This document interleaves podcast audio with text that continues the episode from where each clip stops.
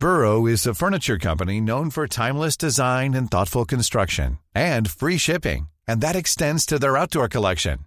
Their outdoor furniture is built to withstand the elements, featuring rust-proof stainless steel hardware, weather-ready teak, and quick-dry foam cushions.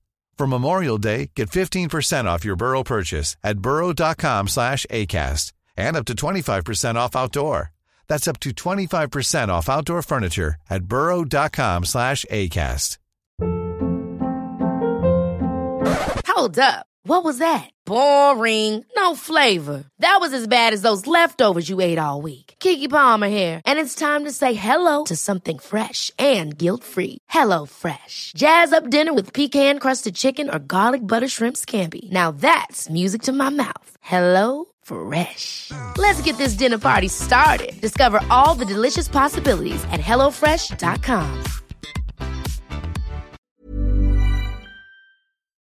إذا الواحد ضل عايش حياته عم بدور على المكافأة بيوم من الأيام بطل يجي مكافآت وين رح يكون الدافع تبعه؟ إذا نحن قمنا التحفيز الخارجي وركزنا على تحفيز داخلي بيكون الموضوع على المدى البعيد فعال أكثر الأولاد بيعملوا مثل ما بيشوفوا. مش أنتوا شو بتحكوا لهم رح يعملوه. مثل ما بيشوفوكم أنتوا بتعملوا هم رح يتعلموا يعملوا انه أنا بدي أعمل شيء لأنه هو لازم ينعمل لأنه هذا الشيء الصحيح اللي بينعمل. من ضمن المقياس الديني نحن ما بنقول إنه هو بيختلف من ذلك. أنا عم بخرب علاقتي بولادي لما هم بلشوا يفكروا براسهم ماما بس بتحبني لما أعمل إشي منيح. لما ماما تكون مبسوطة ومبسوطة مني وعم تبتسم بوجهي وعم تعطيني مكافأة عم تورجيني حب. بس لما تشوف إنه أنا عملت إشي غلط هي ما عم تتقبل إنه أنا إنسان بخطأ. بدل ما نحن ننظر على الموضوع إنه أنا بدي ابني يرتب أوضته اللي هو هدف قصير المدى بدي أقول إنه أنا بدي ابني يطلع مرتب. لونا! أنا زعلانة شوي هاي آخر حلقة قبل الصيف بنسجلها. يا لبعد الصيف بس يعني رح نرجع بشهر 8 لبعد الصيف. إيه. yes إن شاء الله. ثمانية أو تسعة يعني حسب تسعة. الظروف والتسهيل إيه. لونا معجوقة بامتحاناتها وأنا معجوق بكم شغلة تانية. و I think لونا مسافرة كمان بشهر ستة. ف رح نختتم الموسم. بس. بس خلوا عينكم ودينكم على ال- على المحتوى. في عنا كم مقابلة رح نعملها خلال الصيف مع كم مع عدة ناس مختلفين. ودائما إذا كان لنا مقابلات بننزلهم صوتيات يعني على ال- على المنصة. فنحن بدنا نحكي هيك حكي عام عن عدة آه، شغلات عم نمر فيها بآخر فترة وفي كمان كذا تعليق إجانا كمان آه، على الخاص وعلى يعني على مواضيع حكينا فيها من قبل. بدنا نحاول يعني نعمل دردشة عامة هيك و... هلا أول شيء أول شيء في نقطة بس حبيت آه، أذكر حالي وأذكر المستمعين اللي بيعرفنا من قبل اللي بيعرف هاي النقطة واللي بيعرفنا من جديد يمكن بس نرجع نحطها. بودكاست مش بالشبشب هو حديث أنا ولونا بنعمله بشكل عام على منصة عامة ليساعدنا نحن نصير أهل أحسن. نحن عنا أسئلة كتير عن آه، شغلات بتصادفنا بالبيت آه، شغلات بنقرأها شغلات بنحتك فيها. بنقعد بندردش أنا ولونا عنا بش بطريقة عامة مثل ما قلت و... وبنتعلم منها. واللي عجبه الحكي اللي بيسمعه بياخده ما عجبه بيقدر يهمله يعني نحن بن- بنعطي آراء وبنعطي وجهات نظر وبنعطي خبرات شخصية. مش لأنه نحن والله عنا في مثلا بودكاستات بيكون واحد عنده شهادة وبيجيب العلم وبيطرحه للمستمعين. نحن لا عم نجيب خبراتنا الشخصية وقراءاتنا اللي قرأناها.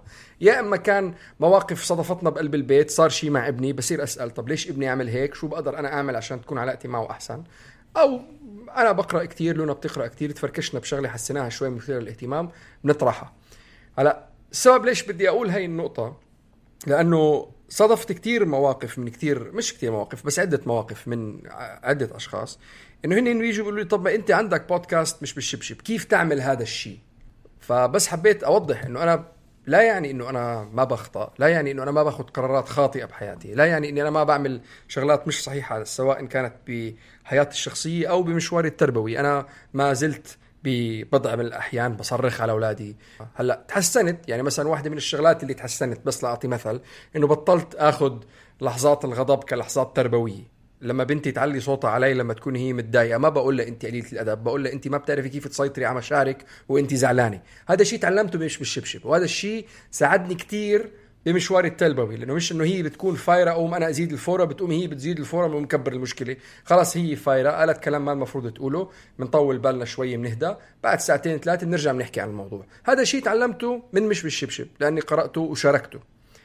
بس بعدي بعمل أخطاء كتير. حلو التذكير إنه إذا بنتذكر إذا بنرجع لورا حتى أكثر لما أنت جيت لعندي قبل سنتين ونص ثلاثة actually صار لنا كم سنة عم نعمل بودكاست سنتين. سنتين وشوي. وقبلها بسنتين عم. من هدول السنتين. وأنا كنت أحط مواضيع اونلاين لأنه مثل ما قال وسام دخلنا على الأمومة والأبوة كل واحد فينا بعيلته إنه طب ما حدا جهزنا لهاي الأشياء. في نضج بيكون ناقص عند الأهالي الجداد. وهذا النضج يمكن لأنه في حكي ما بينحكى بالمجتمعات عامة. الناس كلها بتحكي آه شو عملت على الويكند شفت هالمسلسل شفت ما بعرف شو. كتير قليل إنه الناس يفتحوا لبعض ويتحدثوا بأمور مهمة جدا. أمور بتأثر بحياتهم أمور بتأثر بحياتهم الزوجية أو علاقاتهم الاجتماعية أو علاقاتهم مع أولادهم. وبالأول لما كنت أشارك هاي المعلومات من ناحية مقالات كنت أقراها على فيسبوك و... والأخبار وأحطها على فيسبوك هذا اللي خلى وسام يحكيني ويقول لي خلص بدنا نبلش بودكاست ليه عم نرجع لورا؟ عم نرجع لورا لنورجي كم من شغلة. أول شيء مثل ما قال إحنا ناس الناس ما في حدا مثالي. ولكن من خلال القراءة ومن خلال الواحد لما يحط لحاله هدف أنا ما بدي أربي هيك سبهللة. أنا بدي أربي بطريقة عن عمد. أنا بدي كل إشي بعمله يكون إله معنى. بس أهم من كل هذا كله أنا بدي يكون عندي علاقة رائعة بيني وبين أطفالي. والطريقة إني أوصل لهاي العلاقة الرائعة بيني وبين أطفالي إني أحس إنهم بدهم يكونوا جنبي وبدهم يتعلموا مني وبدهم يضلوا معي طول الحياة ويفتحوا لي ويحكوا لي أشيائهم وأسرارهم وحياتهم.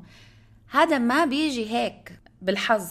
ما بيجي بالحظ إنه أنت مثلا عندك طفل بحب يحكي أو ما بيجي هذا بيجي عن عمده بيجي عن ورا شغل كتير مهم وهذا لا يعني إنه نحن ما بنغلط هذا لا يعني إنه نحن عندنا لا، مشاعر بالضبط. آه، وهذا لا يعني إنه كمان هالشغلة. إنه نحن ما عندنا مشاعر مرات مش منطقية بتخلينا نعمل شغلات مش صحيحة فأنا ليش أنا عم بذكر؟ صح. لأنه أنا بيجي طب ما أنت عندك بودكاست تربوي. لا يا عمي أنا عندي بودكاست تربوي. بقعد بحكي عن مشاكلي قدام الناس مش بقعد بعطي وبعطي حلول لحالي وبعطي مقترحات. واللي عجبه ياخده واللي ما عجبه ما ياخده مش إنه والله لأني أنا عندي بودكاست تربوي أنا حياتي كان no man ما هي كتير مزعجة. إن أنا بدك تقعد بتحط اللي بقلبك وبتحاول تطلع بشغلات لتفيد حالك بطريقة عامة قدام الناس. ويجي واحد يقول لك آه لا بس أنت عندك بودكاست تربوي. لك لا ما بقلبك يا زلمة كرهتني بالبودكاست ما أعمله. بدك هيك يعني؟ إنه هلا في في نقطة بس بدنا نذكر، نحن بحلقة القيم العائلية إجانا ثلاث تعليق آه، بمكان عام، اثنين على يوتيوب وحدة على فيسبوك، إنه نحن لازم يكون الحلال والحرام هو المبدأ اللي بدنا نحن نعلمه لأولادنا. هذا ما بيناقض أي شيء نحن ذكرناه، نحن بقلب الحلقة كنا كتير واضحين كل واحد ياخذ المقياس اللي بيناسبه ويقدمه لأطفاله. في شيء أنا ذكرته بقلب الحلقة واظن هذا اللي ثار ال ال ال الجدال قلت إنه أنا ما عندي كل الأجوبة ويمكن أكون غلطان بس هاي فكرة رح أطرحها كل واحد يفكر فيها. ونحن ما يعني ما بنفرض يعني ما بنفرض عن أي ح- هلأ بيقول لك لا لازم يكون الحلال والحرام. خلاص إذا أنت بتشوف إنه هذا الحلال والحرام هذا مش مغزى الحلقة. مغزى الحلقة إنك تقدر تقدم هي الأفكار بنطاق مريح آه، بنطاق حديث بنطاق تواصل بينك وبين أولادك وخارج إنه ابنك عمل شيء غلط وقاعد عم بتبقى هي هدف الحلقة. كي شو هي المبادئ كل واحد ياخذ اللي بده إياه. بس النقطة اللي كانت إنه أنا بحس إنه لازم ابني يكون عنده بوصلة داخلية تحفيز داخلي بتساعده إنه ياخذ القرارات الصحيحة والخاطئة. كل واحد يحط اللي بتناسبه. كانت المبدأ وحتى لونا قالتها إنه أنا ما بدي أستعمل الترهيب أو التخويف أو الحرام أو نار جهنم أو ما شابه. إنه هي ما بدها تستعمل هذا الشيء. وأجين كل واحد يعمل اللي بيناسبه. بس في نقطة محل- حلوة ونقطة مهمة اللي هو فكرة العصا وال- والجزرة. كلهم بيستعملوها بالمدارس بالتربية وبالشركات. إنك أنت بتحفز واحد إنه إذا اشتغلت منيح بعطيك بونس إذا ما اشتغلت منيح من من من فنشك إذا درست منيح تجيك علامات منيحة إذا ما درست منيح بنحطك ب detention إذا رتبت الأوضة بنعطيك بسكوتي إذا ما رتبت الأوضة ما بتطلع بتشوف أصحابك. هذا تحفيز كلياتنا بنستخدمه. النقطة اللي كنت أنا عم بحاول أقولها إنه إذا نحن قمنا التحفيز الخارجي وركزنا على تحفيز داخلي بيكون الموضوع على المدى البعيد فعال أكثر اسمع في كتير في كتير آه، أمثلة على كيف إنه الولد إذا قلت له آه، إذا طفيت التلفزيون هلأ بعطيك شوكولاتة. أو إذا رت... مثل ما أنت قلت إذا رتبتي أوضتك هلأ آه، باخذك مشوار. هذا ما بيعلم الولد غير إنه أنا دائما بدي أدور على وين المكافأة تبعتي. إذا الواحد ضل عايش حياته عم بدور على المكافأة وبيوم من الأيام بطل يجي مكافآت وين رح يكون الدافع تبعه؟ فإحنا ما بدنا نعلم أولادنا الدافع دائما يكون خارجي. والدليل على هذا الموضوع إنه أصلا معظم المدارس الجديدة هاي الأيام بطلوا يعطوا علامات. موضوع العلامات هذا أصلا موقف تماما. أنا بمدرسة بنتي ما عندهم علامات. ما في إنه يعملوا امتحان وتجيهم علامة من عشرة. ما في إنه التقرير السنوي لما يجيهم على البيت بطل في 80 و90 ومش عارفة قديش بالمية. صار في العلامة هي من أربعة واحد اثنين ثلاثة أربعة. أربعة يعني أنت فوق التوقعات ثلاثة ابنك مثله مثل غيره. واثنين لازم تشتغل شوي أكتر وواحد بدك تشتغل كتير أكتر. هذا له أسباب كتيرة. بس هو دليل على إشي واحد إنه حتى المدارس والمعلمين وأخصائيين الأطفال بيعرفوا وأكدوا إنه موضوع الجزرة والعصا لا يشتغل. ما ما بينفع ما بينفع. فإذا الولد مش من جوا هو بده يرتب أوضته أو هي بدها تكون منيحة مع أخوها أو هي حابة تعطي من فلوسها لتساعد الفقير. طب هلا ممكن تسألوني إذا إحنا ما علمناهم أو ما قلنا لهم يعملوا كذا كيف رح يعملوا؟ بنرجع بنعيد وبنزيد. الأولاد بيعملوا مثل ما بيشوفوا. مش أنتوا شو بتحكوا لهم رح يعملوا مثل ما بيشوفوكم أنتوا بتعملوا هم رح يتعلموا يعملوا. فإذا أنا ما بدي أولادي يصرخوا مع بعض لازم أنا ما أصرخ. إذا أنا ما بدي بنتي تبهدل ابني لازم أنا ما أبهدلهم هم. إذا بدي إياهم يرتبوا غرفهم لازم غرفتي دائما تكون مرتبة. إذا بدي إياهم يقرأوا أكتر ويبطلوا على التلفزيون لازم أطفي التلفزيون وأخفي الريموت. أنا عن حالي وأقعد أقرأ كتاب عشان هم يقرأوا كتب. في دراسة ومقال موجود بال Harvard Business Review انعمل على تحفيز الموظفين. وهذا المقال يعني العنوان تبعه تحفيز الموظفين مش موضوع جزر وعصي آه، نقطة المقال بتقول لما يكون الموظف شعوره منيح وبحس حاله إنه شغله له معنى وله تواصل بينه وبين الشركة أكثر من المنفعة المادية بيكون في عندهم حماس وبيكون في عندهم تحفيز للعمل أكثر من إنه هو الموضوع موضوع مصاري بآخر النهار. كثير من الشركات اليوم إذا أي واحد بيشتغل, بشركات عالمية أو أمريكية أو ما شابه بشوف إنه هن دائما بيعملوا تدريبات للموظفين بيعملوا trainings بياخذوهم بيطلعوهم بيعشوهم بيلعبوهم بيعملوا team building activities وما شابه. بشوفوا إنه لما أنت تحس حالك جزء من شيء أكبر منك وأنت جزء من فريق أكبر منك وأنت جزء فعال بهذا الفريق ونحن بنحبك وبنقدرك بتصير انت احسن بشغلك. أنا اشتغلت بفتره من الفترات بالشركة وكنت احس يعني مضيع للوقت بياخذونا وبحطونا بأوتيلات وبيجيبوا لنا ناس تحكي معنا وهيك بس بتحس حالك إنه لا أنا شعوري ذاتي منيح فبالتالي عملي بتحسن. فكتير من الشركات العالمية عم بتروح بهذا الاتجاه وشافوا إنه في أثر كتير ملحوظ بين الموظفين وقدروا كمان يغربلوا مين الموظفين المناح من الموظفين اللي مش مناح من ناحية التحفيز الداخلي ومش التحفيز الخارجي اللي بيجي من العصي والجزر. وهذا مربوط كمان بالتعليق اللي اجى إنه حلال وحرام أو صح وخطأ أو ما شابه. إنه أنا بدي أعمل شيء لأنه هو لازم ينعمل لأنه هذا الشيء الصحيح اللي بينعمل. من ضمن المقياس الديني نحن ما بنقول إنه هو بيختلف من ذلك. ولا أنا بدي أعمله لأني أنا بدي أطمع بالجنة أو أو خايف من النار أو بدي بسكوتي أو خايف إنه أمي تضربني أو تبهدلني أو ما شابه. بدل ما نحن ننظر على الموضوع إنه أنا بدي ابني يرتب اوضته اللي هو هدف قصير المدى بدي أقول انه أنا بدي ابني يطلع مرتب. وهدول في فرق كتير كبير بيناتهم. واستخدام العصا والجزرة ما بيؤدي للتاني ما بيؤدي للتحفيز الداخلي للتغيير الجذري انه ابني مرتب. بناء على كلامك بالشركات مع الأولاد الصغار بالبيت لما أنا دائما أوعد ابني بمكافأة هذا كمان العكس معناه إنه أنا كمان رح أوعد ابني بعقاب صح. لما ما يعمل إشي منيح. مش معناته أنا بس رح أكافئك لما تعمل إشي منيح براسه للولد رح يقول إذا أنا ما بعمل منيح رح أتعاقب. يعني إذا هي ما انبسطت مني رح تصرخ علي. فهذا مثلا يعني إنه بنعطيهم stickers بالذات مثلا للأولاد الصغار. أنا كنت أعطي بنتي stickers قبل ما أقرب على هذا الموضوع بس على لما اجى ابني بطلت هاي قصة ال sticker chart كل شوي نحط له sticker لما يعمل إشي غلط. لأنه هذا على طول بيقيم من الطفل موضوع التحفيز الداخلي وبيعلمه موضوع التحفيز الخارجي. أنا كل إشي رح أعمله عشان آخذ هاي ال M&M ولا رح أعمله عشان أعمل ال sticker. فالوعد بمكافأة كمان هو وعد بعقاب. تاني إشي لما أستعمل المكافآت والعقاب أنا عم بخرب علاقتي بولادي. لأنه لما هم يصيروا يعرفوا أو أو لما هم يبلشوا يفكروا براسهم ماما بس بتحبني لما أعمل إشي منيح. ليش؟ لأنه بتفكير الطفل لما ماما تكون مبسوطة ومبسوط ومبسوطة مني وعم تبتسم بوجهي وعم تعطيني مكافأة عم تورجيني حب. بس لما تشوف إنه أنا عملت إشي غلط هي ما عم تتقبل إنه أنا إنسان بخطأ. هي ما بتحبني بس. فساعتها بصير أنا لما أعمل منيح الناس بيحبوني وأنا لما أعمل خطأ الناس ما بيحبوني أو ماما ما بتحبني أو بابا ما بيحبني وهذا بيخرب العلاقات. هذا وأكثر من إنه بيخرب العلاقات. بيخرب علاقة الطفل مع نفسه. بصير يبطل هو يكون عنده ثقة بنفسه إنه هو إنسان منيح حتى لما يخطأ. إحنا ببيتنا دائما بنقول الأخطاء مهمة الأخطاء أنا رح أحتفل فيها. لأنه لما أخطئ يعني أنا عم بتعلم. ثالث نقطة مهمة جدا كمان بالأطفال لما أستعمل أنا موضوع المكافأة والعقاب هي إنه بصير أعلم ابني أو بنتي إنهم يطنشوا الأسباب الداخلية براسهم. لما إحنا نبطل نقدر نشوف ليش ابننا ما عنده حافز داخلي هذا لأنه هو عم بياخذ المكافآت والعقابات. لازم نرجع ونشتغل بأساس المشكلة اللي هي ليش بنتي ما عم بتحب تنظف أوضتها؟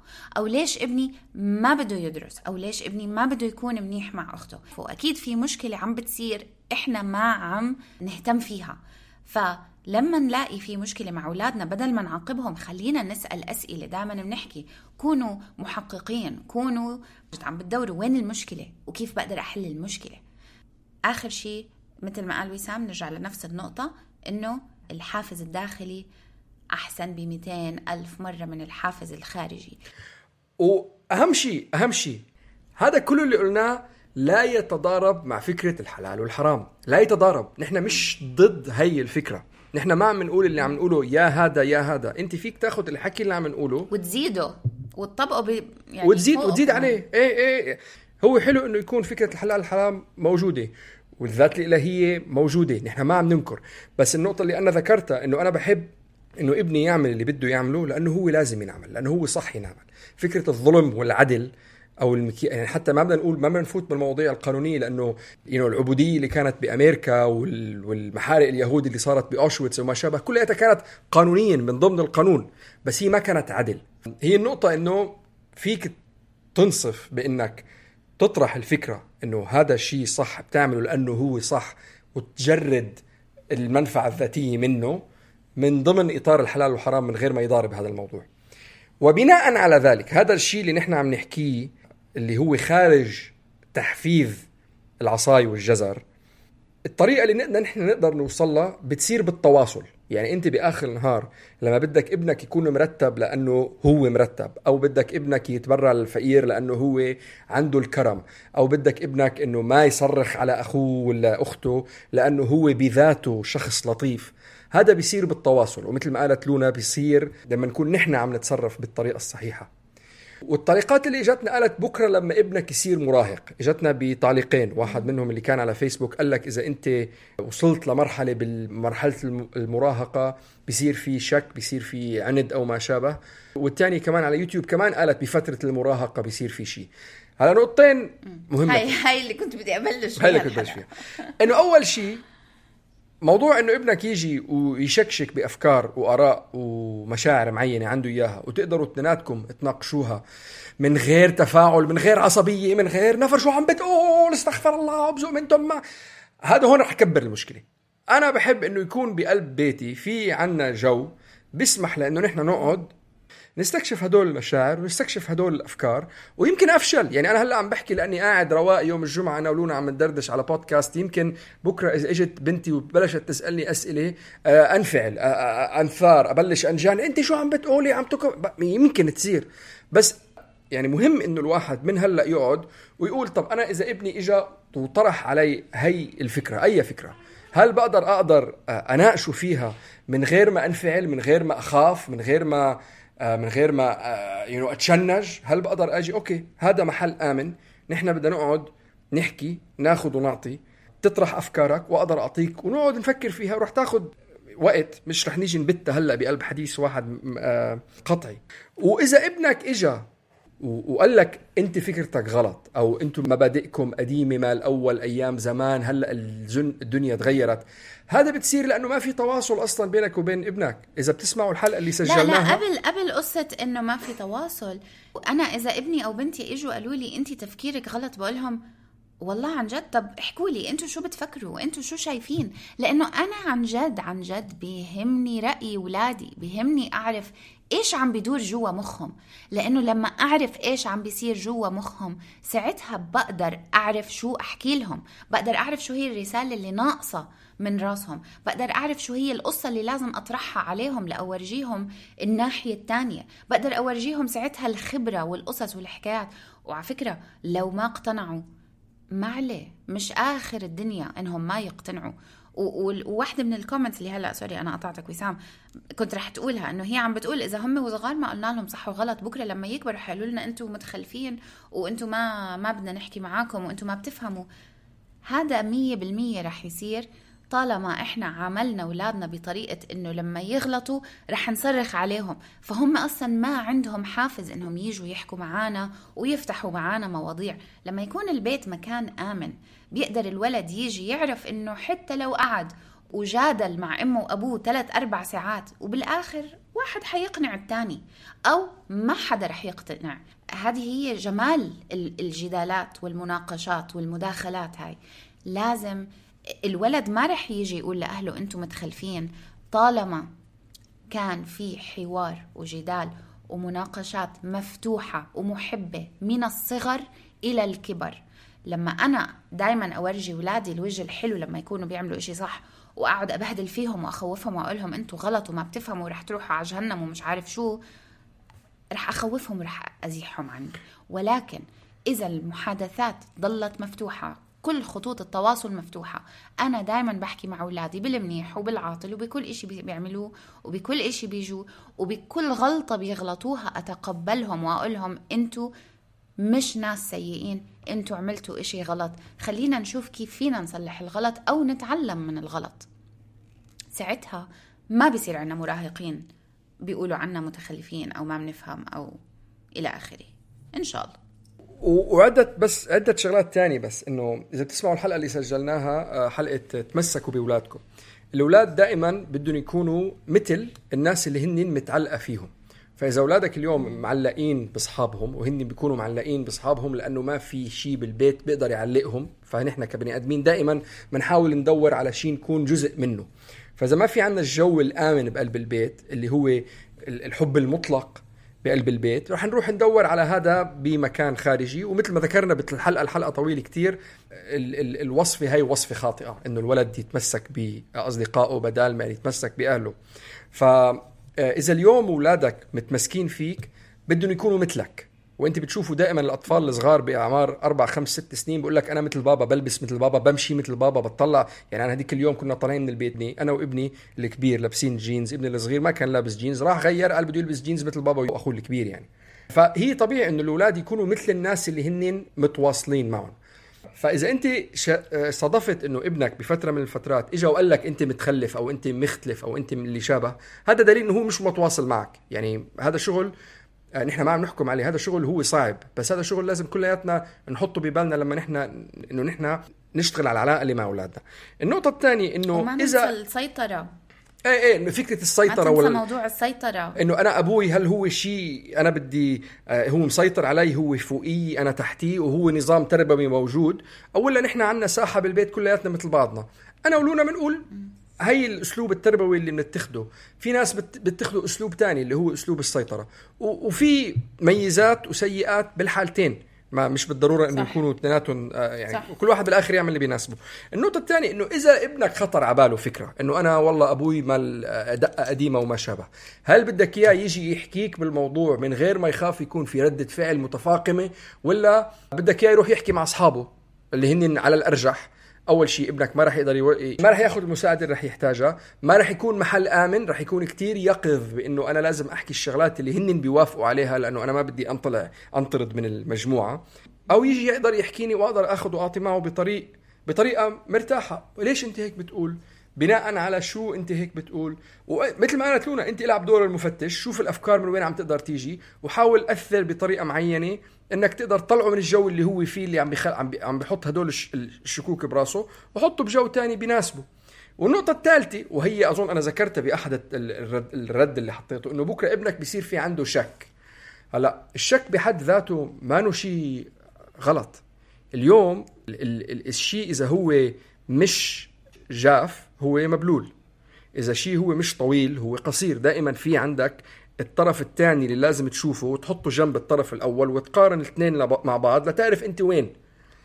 فالشك بحد ذاته مهم جدا للإيمان. إذا أنت اليوم عندك إيمان مطلق من غير ما يكون في عندك شك طب كيف تعرف إذا أنت ال- ال- الأفكار اللي عندك إياها صحيحة؟ لازم دائما يكون في استكشاف مش من طريقة عملية. نحن ما عم نقول روح وخبص الدنيا وروح و... نحن عم نحكي من من منطلق فكري. إنك أنت لازم تنظر للطرف الثاني لتقرر إنه أنت مش الطرف الثاني أنت الطرف الأول. فاليوم فكرة الشك إنه ابنك رح يصير في عنده شك ابن طب هذا جيد هذا هذا صحي إن نحن نقدر نقعد نجيب هدول المواضيع ونحكي فيهم من غير ما يكون في خوف إنه أنا ابني اليوم مثل ما قلنا بحلقة الخوف وبنرددها دائما وبنقول لكم ارجعوا تسمعوا عليها انه دائما بناخذ أي حالة بتصير كهذا هو المستقبل المظلم لابني وهي هي اللحظة اللي أنا بدي أبت المواضيع فيها. موضوع مش هيك علاقة بآخر النهار هي علاقة. ديك اليوم كنا عم نحكي على اللي صار بفلسطين وابني انقهر كتير انقهر من اللي عم بيصير. بعدين قال لي إذا الله رحمن ورحيم وبيحبنا ليه عم بيخلي هيك ظلم بالعالم؟ وسؤال جيد جدا وسؤال بيورجي إنه الولد عم بيفهم الصح والغلط وال- والجيد والعاطل والناس المنيحة والناس اللي مش منيحة والكره والحب. وبراسه مش قادر يفهم. طب إذا أنا الله سبحانه وتعالى رحمن ورحيم و... وبيحبني وبيحب الناس وبده إيانا نكون مناح طب ليه حط الظالمين بالحياة؟ ليش حط اللي بيقتلوا وبيحرقوا ناس وبيقتلوا أولاد صغار و... وبيدمروا بالعالم؟ وطلعت بجوزي هيك قلت له بتحب تجاوب؟ وطلعنا فيه وبعدين قلنا له حبيبي بتعرف في أسئلة ما رح نعرف جوابها على طول بس خليك عم بتفكر لأنه أنا أنا متأكدة في بيوم من الأيام حيجيك جواب. ولكن كمان الإشي الثاني قلت له إياه إنه في في جيد وفي عاطل و ويمكن إحنا ما بنعرف السبب ليش الدنيا هيك. بس أنا بعرف إنه ال- الخير دائما بيكسب فوق الشر وإحنا رح نلاقي اللي بدنا إياه. لازم بس نصبر. في صبر يمكن الله بده يعلمنا الصبر يمكن الله ما بعرف شو هو الجواب. بس سؤالك منيح خليك عم بتفكر فيه. وعن جد ما بعرف شو هو الجواب الصحيح. بس ما رحت وبهدلته قلت له كيف هيك بتحكي عن تمك روح غسل تمك بالصابون. أنا تعرفي شغلة بع- بعملها مع أولادي لما يسألوني هيك أسئلة بقول لهم تعرف سؤال كتير مثير للاهتمام؟ أعطيني شوية وقت وبرجع لك. لأنه دائما إذا بنرد بلحظة انفعال أنا دائما بحكي إيه، هاي دايماً، بس إيه. على هاي القصص إنه من وين بدي. أجيب له هذا الجواب لا؟ بتلاقي له بتلاقي, بتلاقي اونلاين يعني؟ لا بتلاقي له جواب. يعني هلأ أنا لما أفكر فيها أنا واحدة من الشغلات اللي اللي you know what القيمة اقولها لأنه راح يهوجوا علي. you know بقولها بقولها. هاي وجهة نظري الشخصية ويمكن تكون خاطئة. هذا خذوه default لأي شيء بقوله. بس you know what بلاها بلاها. you know بقولها بقول ما أظن الذات الذات الإلهية ما بتتدخل بشكل مباشر بالأحداث اللي بتصير بالدنيا. الرحمن الرحيم له الله أعطانا مخ عشان إحنا نفكر. نحن ناخذ الله القرارات الر- الرحمة. الرحمن والرحيم والغفور هذا للآخرة. بالدنيا الله عز وجل قاعد عم بمرك شو كل واحد عم بيعمل لأنه يوم القيامة في حساب. العدل والرحمة كل هذا رح تيجي بالآخرة. لا يعني أنه ما في مواقف بالدنيا نحن بنشهدها كل يوم بس الأحداث اللي بتصير على مر العصور من أول الزمن لهلأ تاريخ الإنسانية معبى بالدم وهذا كله مسجل. الله رح يعطي إنه عز وجل يوم القيامة كل واحد رح ياخذ نصيبه اللي فاته بالدنيا. هذا الجواب اللي أنا دائما يعني هذا لا ينفي إنه الله مش رحمن ورحيم لأنه you الإسرائيليين أو الصهاينة أو ما شابه عم في ظلم. إيه. طيب very good شكرا شكرا كثير لاستماعكم. مرة ثانية رح ترجعوا تسمعوا مثلنا مثل ما قلنا بحلقات جديدة بشهر تسعة. بس خلوا عينكم على المحتوى اللي عم رح ننزله رح ننزل أي مقابلة بنعملها بخلال الأشهر اللي جاي. ومثل ما قلنا بأول حلقة بنرجع بنقول نحن ما عندنا كل الأجوبة. نحن عندنا أفكار وآراء بنطرحها بين بعضنا بنناقش فيها أنا ولونا بنطرحها عليكم. ومش بالضرورة إنه كل شيء بنقوله بنطبقه مش بالضرورة إنه نحن ما بنخطأ ومش بالضرورة إنه أفكارنا خاطئة. إذا عجبكم الحكي اللي عم نحكيه تفاعلوا معنا ابعثوا لنا لايك في كثير ناس عم تتفاعل معنا. وإذا ما عجبكم في كثير شغلات تانية بنحكي فيها.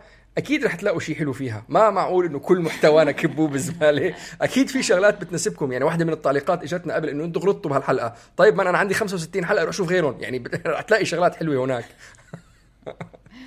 لا مش بس هيك مش بس هيك. شوف إحنا كل حلقاتنا بنبنيها على محتوى علمي إن كان من كتب أو شخصيات كبيرة أو آه، علماء. أنا عشان هيك ما بحب أدخل مواضيع الدينية وما شابه مش عشان اللي قدامك عم تسمع له آراءه لا تتفق مع آرائك أنت فمعناته هو غلط وأنت صح. كله غلط. هذا هو الأمر الحاسم وأنه كله غلط وهو ما بيفهم وهو ما بعرف شو. مع هذا وكله إحنا بنحب إنه تتواصلوا معنا حتى وبالذات لما تكون آرائكم مش زي آرائنا لأنه إحنا بنحب نسمع هذا الحكي. حلقتنا اليوم ما كانت قصة تبرير ومين صح ومين غلط. هي كانت توضيح آه، عن وجهة النظر اللي انحكت. يمكن سوء شرح من طرفنا فإن شاء الله يكون شرحنا اليوم أحسن شوي. نتمنى لكم صيف كتير حلو. إن كنتوا قاعدين ببلادكم أو مسافرين لتشوفوا أهاليكم وعائلاتكم نتمنى لكم صيف آه، جميل. وتضل صحتكم منيحة وإن شاء الله ما حدا يمرض ويبعد عنا كل المرض. وفي حلقة سجلناها الصيف الماضي اسمها صيف كورونا ولكن تطبق على كل الصيفيات. فيها كتير أفكار حلوة إيش بتقدروا تعملوا مع أطفالكم بالصيف. نتمنى إذا ما سمعتوها ترجعوا تسمعوها أو إذا سمعتوها تجي تعيدوا سماعها ل... لتتذكروا الأفكار اللي فيها. صيفا جميلا وإلى اللقاء. شكرا لاستماعكم وإن شاء الله تكون الحلقة عجبتكم. فيكم تتسمعوا علينا من كل منصات البودكاست مثل Apple Podcast Google Play أنغامي Spotify وأي محل بينلعب فيه بودكاست فيكم تتواصلوا معنا على جميع منصات التواصل الاجتماعية تحت اسم مش بالشبشب. نعرف نحن إنه هي لام شمسية بس عشان بالإنجليزي كتبناها B E L مش بالشبشب. وإذا عجبكم محتوانا حطوا لنا خمس نجوم على Apple أو أي محل تاني فيكم تتفاعلوا معنا. هذا دائما بيساعد إنه محتوانا يكون أسهل للناس تلاقيه ويوصل لعدد أكبر. بنحب نشكر رنا أبو خليل لل graphics كلياتها وبنحب نشكر وائل شبعاني ويوسف عيسى للموسيقى.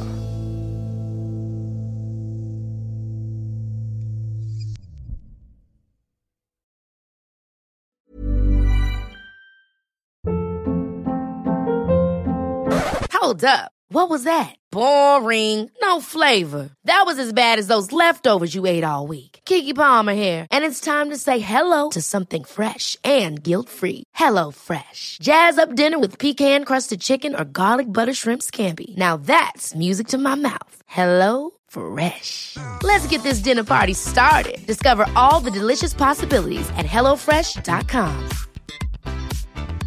Mom deserves the best, and there's no better place to shop for Mother's Day than Whole Foods Market. They're your destination for unbeatable savings, from premium gifts to show-stopping flowers and irresistible desserts. Start by saving 33% with Prime on all body care and candles. Then get a 15-stem bunch of tulips for just $9.99 each with Prime. Round out Mom's menu with festive rosé, irresistible berry chantilly cake, and more special treats. Come celebrate Mother's Day at Whole Foods Market.